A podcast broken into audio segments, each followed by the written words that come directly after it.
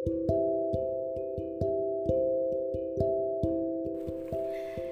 teman-teman, gimana nih kabar kalian saat ini? Aku harap kalian selalu dalam keadaan sehat ya. Oh iya, kenalin, nama aku Amalia Asar Nismawati. Hmm, kalian bisa panggil aku Amel. Aku prodi, aku dari prodi Pendidikan Sosiologi di, di Universitas Pendidikan Indonesia, atau sih orang biasa menyebutnya UPI.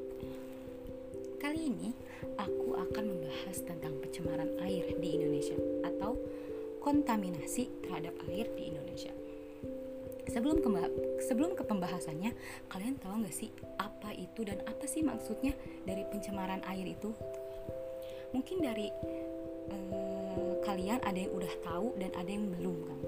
Nah, yang belum tenang aja nih di sini aku akan menjelaskan kembali tentang pencemaran air itu apa sih maksudnya apa sih faktornya apa sih penyebabnya apa sih dan dampaknya apa sih itu kan bagi kita sebagai manusia dan makhluk hidup yang lainnya gitu ya nah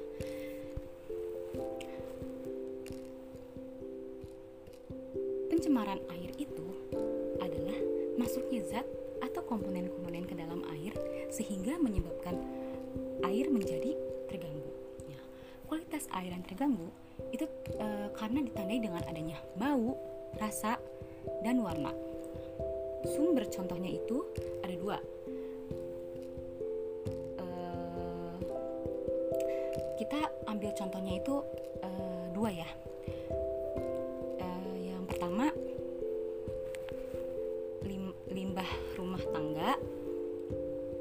Bekas-bekas apa sih sisa makanan, minuman, plastik gitu ya. Yang kedua, yang kedua itu industri uh, apa sih industri tumpahan minyak ke laut gitu ya. Nah, terus ada lagi sih uh, yang ketiga itu ada limbah pertanian. Nah, faktor utamanya apa sih gitu kan? Faktor utama itu ada dua, sampah dan limbah. Ya. Penyebabnya apa aja sih gitu kan ya? Yang pertama yang paling umumnya yang mungkin kita sering tanpa kita sadari kita tuh sering melakukannya gitu ya. Yaitu pencemaran akibat sampah ya, masih banyak nih masyarakat orang-orang sekitar yang masih belum sadar akan kebersihan gitu ya. Kayak masih uh, ya udah gitu.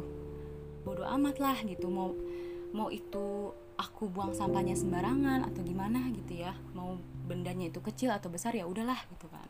Nah itu tuh paling dasarnya banget kan.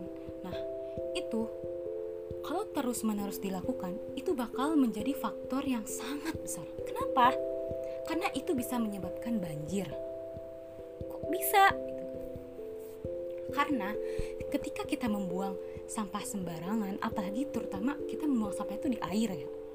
Contoh di got atau di selokan atau di sungai dan lainnya lah gitu ya. Misalkan kita membuang sampah nih.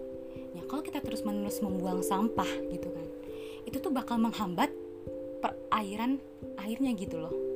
Yang tadinya air mengalir karena adanya sampah yang menumpuk itu bakal jadi terhambat gitu. Makanya jadi menyebabkan menyebabkan banjir yang kedua faktor yang paling besar itu adalah pencemaran limbah industri. Mengapa sih?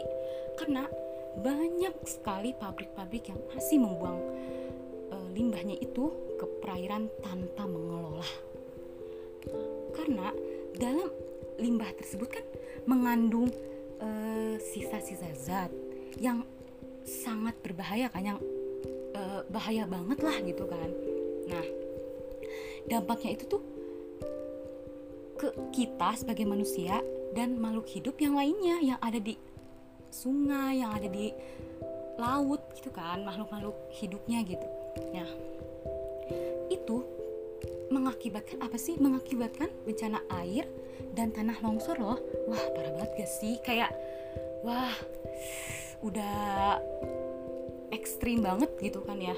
Nah, terus e, bisa juga dari sumber airnya itu sumber air bersihnya itu berkurang terus keisi, keseimbangan lingkungannya jadi terganggu dan penurunannya juga kan. Nah jadi uh, apa ya? Bisa kita simpulkan gitu ya uh, pencemaran air atau kontam, kontaminasi terhadap apa terhadap air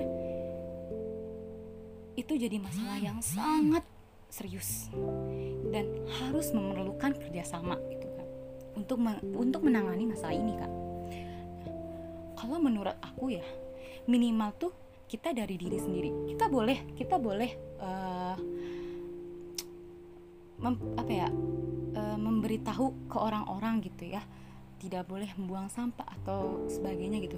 Tapi minimal dari kita sendiri minimal dari diri kita sendiri gitu. Untuk tidak uh, terlalu sering untuk membuang sampah sembarangan gitu kan.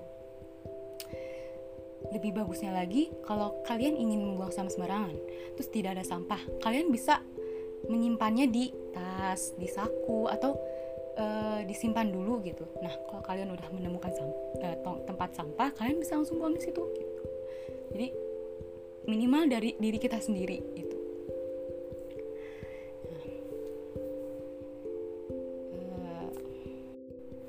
segitu aja podcast kali ini dari aku Semoga bisa bermanfaat buat teman-teman semuanya dan aku sangat berterima kasih ke kalian yang udah dengerin podcast dari awal sampai akhir. Dan see you guys. Bye bye.